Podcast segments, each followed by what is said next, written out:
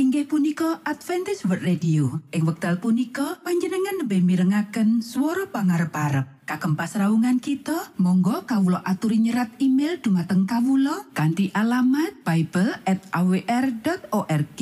utawi panjenengan uki saged layanan kalian Kawulo lumantar WhatsApp kanti nomor plus setunggal saged layanan kalian Kawulo kalh kalh sekawan kalh kalh kalh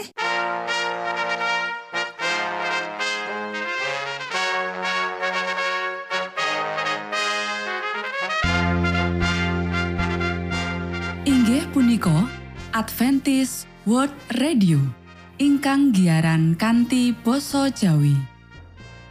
Tentrem Rahayu kula aturaken kagem para mitra kinasih ing pundi papan lan panggonan.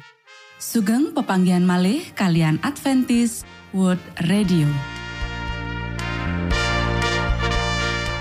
Kanti bingahing manah Kulo badhe sesarengan kalian para mitra kinasih lumantar saperangan adicara ingkang sampun rinonci mligi kagem panjenengan sami. Mugi giaran punika saged migunani tuwin dados berkah kagem kita sedaya. Sugeng midhangetaken Gusti amberkahi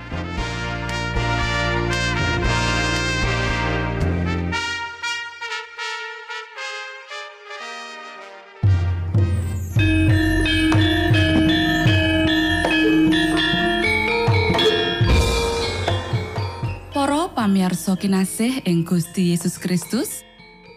Ing wekdal punika kita badhe sesarengan ing adicara ruang kesehatan. Ingkang saestu migunani kagem panjenengan saha kita sami. Tips utawi pitedah ingkang dipun aturaken ing program punika tetales dawuhipun Gusti ingkang dipunnyatakaken ing kitab suci. Semanten ugi sakehing seratan ingkang dipun wangsitaken dening Gusti Allah. Nanging saderengipun, monggo kita sami midhangetaken kidung pujian.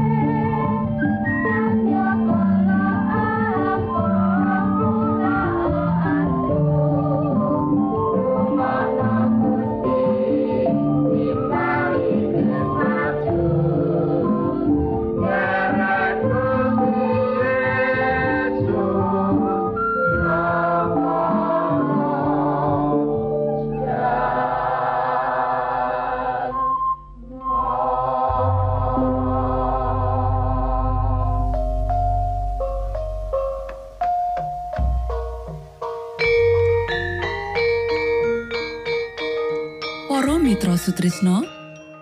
Puji syukur dumateng Gusti ingkang murbeng dumati ingkang sampun kepareng paring wewenngan kagem kita.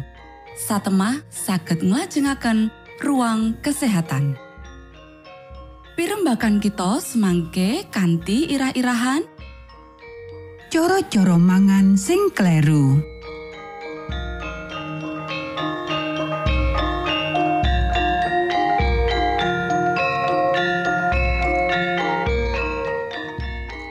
dumateng para pamiarsa ingkang dahat kinurmatan sugeng pepanggian malih kalian kula Isti Kurnaidi ing adicara ruang kesehatan.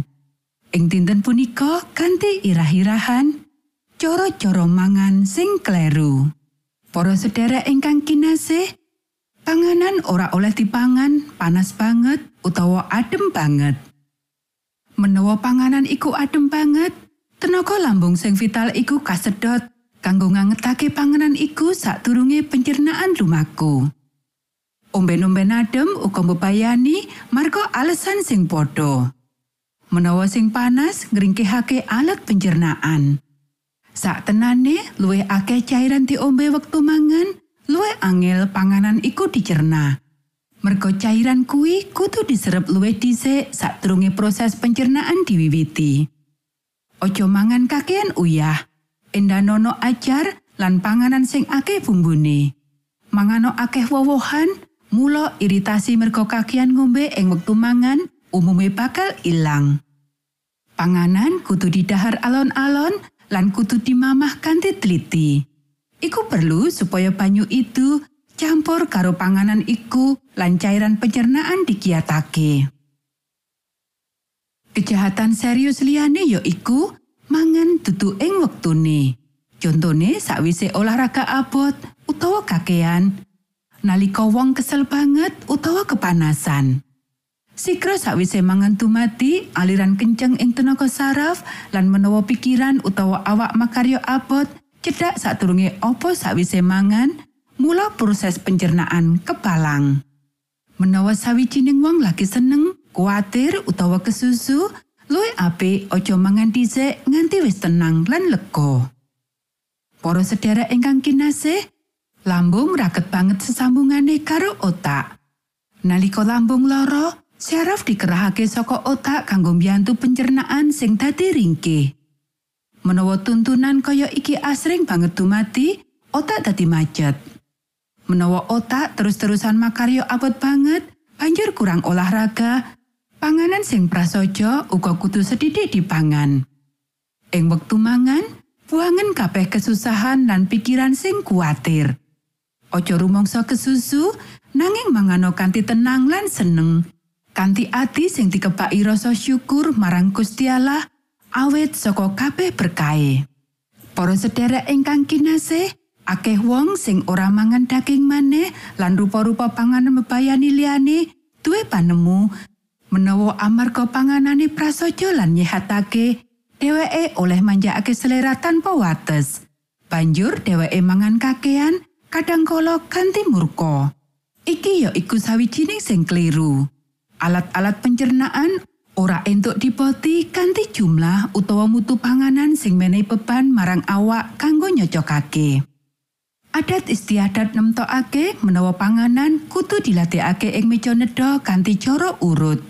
Amarga ora ngerti jenis panganan apa sak banjure, mula sawijining wong bisa mangan rata akeh panganan sing mungkin ora cocok kanggo dheweke. Wektu panganan keri dhewe dilatihake, asring dheweke mangan ngungkuli wates.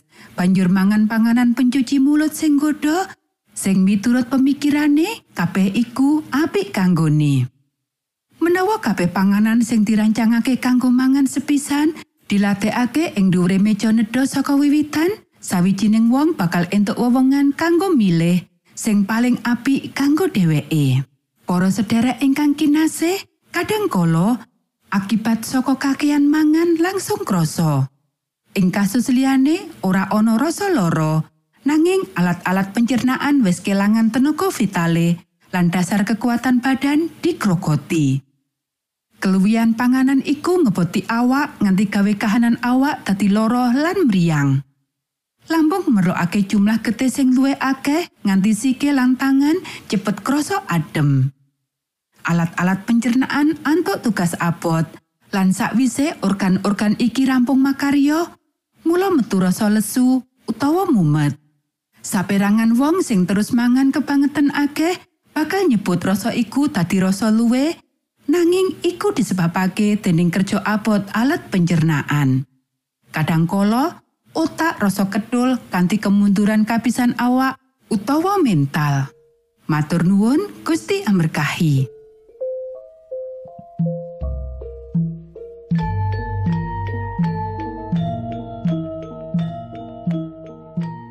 Cekap semanten pimbakan ruang kesehatan ing episode dinten punika. Ugi sampun kuatos jalaran kita badhe pinanggih malih ing episode sak lajengipun.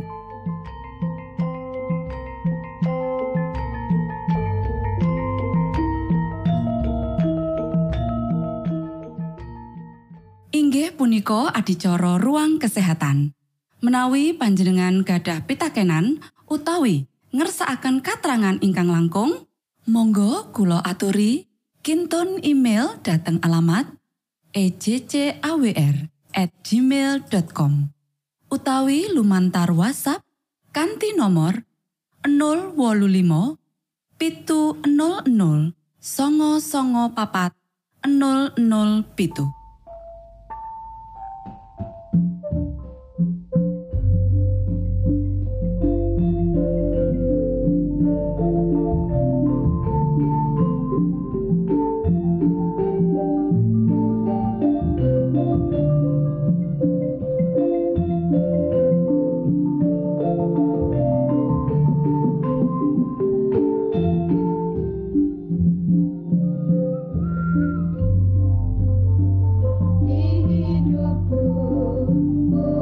dance.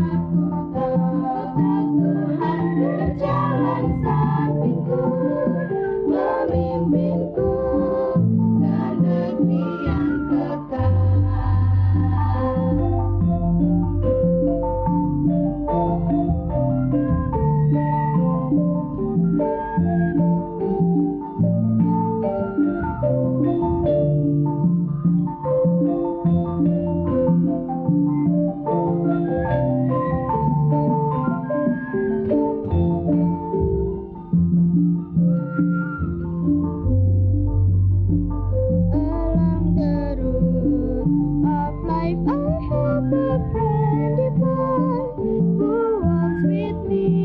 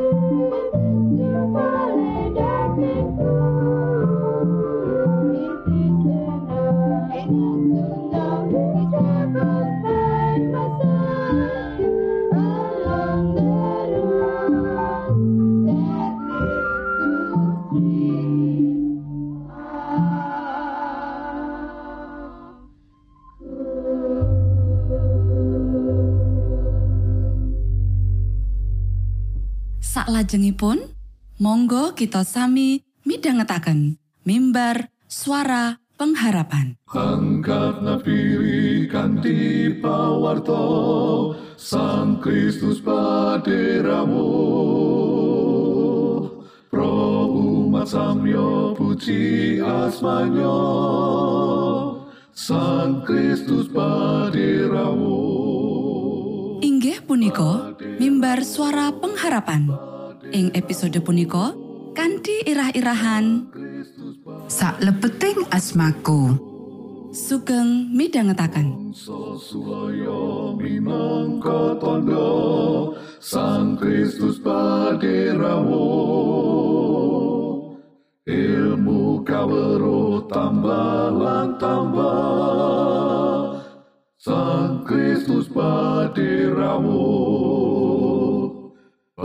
Paderamu Paderamu Sang Kristus paderamu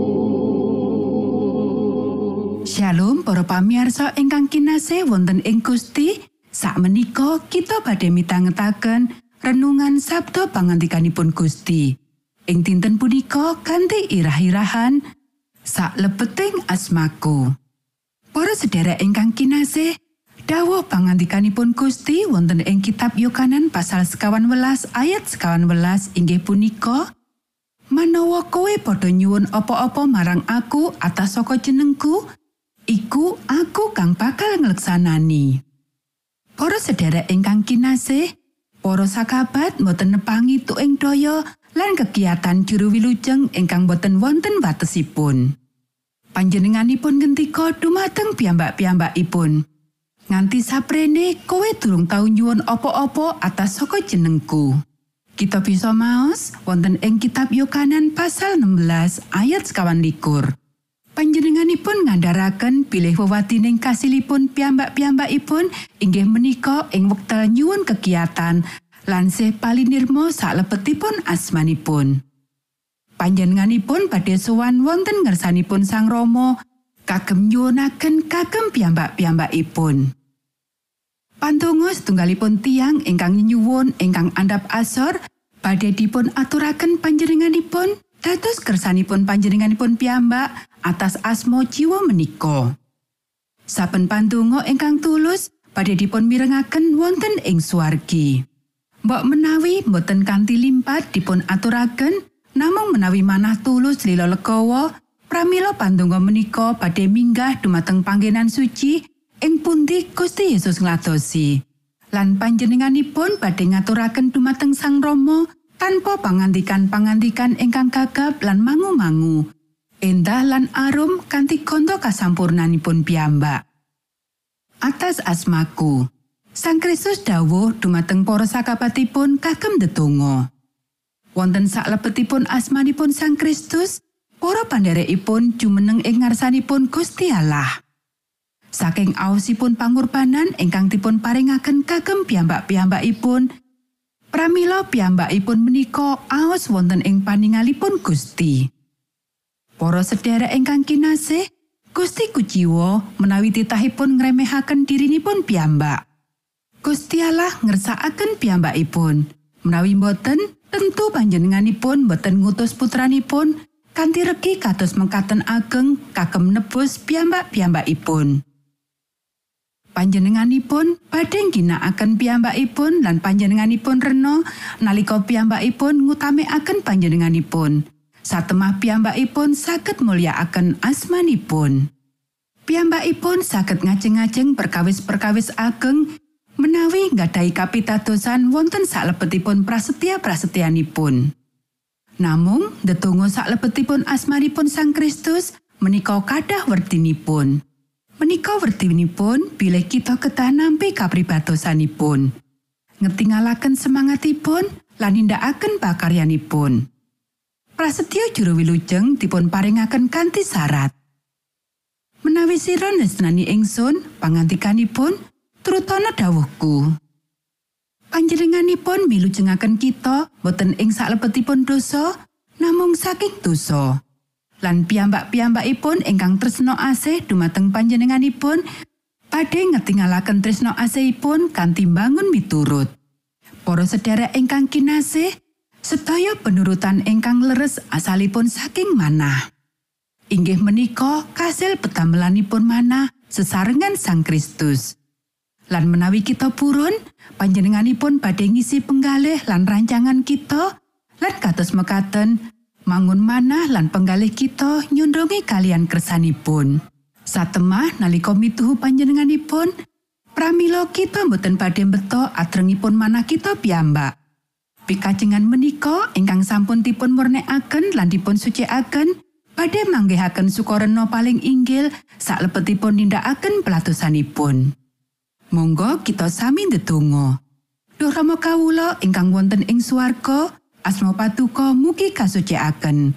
Kraton patuko mugi rawuh, karso patuko mugi kalampahan wonten ing bumi kados dene wonten ing swarga. Kawula mugi kaparingan rejeki kawula sak cekapipun ing dinten punika.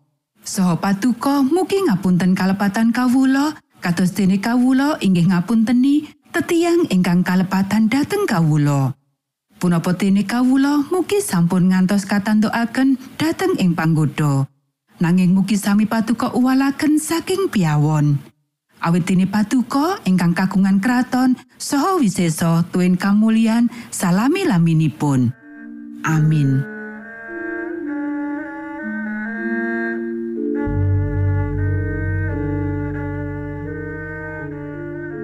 Para Mitra Sutrisno pamiarsa kinasih ing Gusti Yesus Kristus. Sampun paripurno pasamuan kita ing dinten punika. Menawi panjenengan gadah pitakenan utawi ngersakaken seri pelajaran Alkitab suara nubuatan, monggo Kulo aturi kinton email dateng alamat ejcawr gmail.com utawi lumantar WhatsApp kanti nomor 025 pitu 00 songo songo papat 00 pitu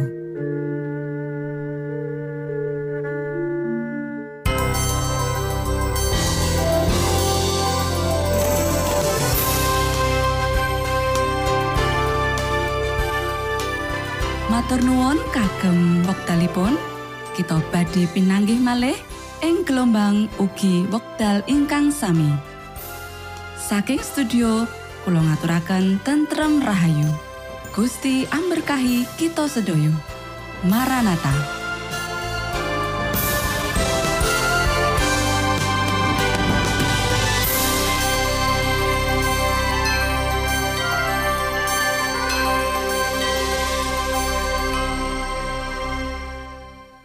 Inggih Adventist World Radio. Ing wekdal punika panjenengan lebih mirengaken swara pangarep-arep. Kagem pasraungan kita, monggo kawula aturi nyerat email dumateng kawula kanthi alamat bible@awr.org.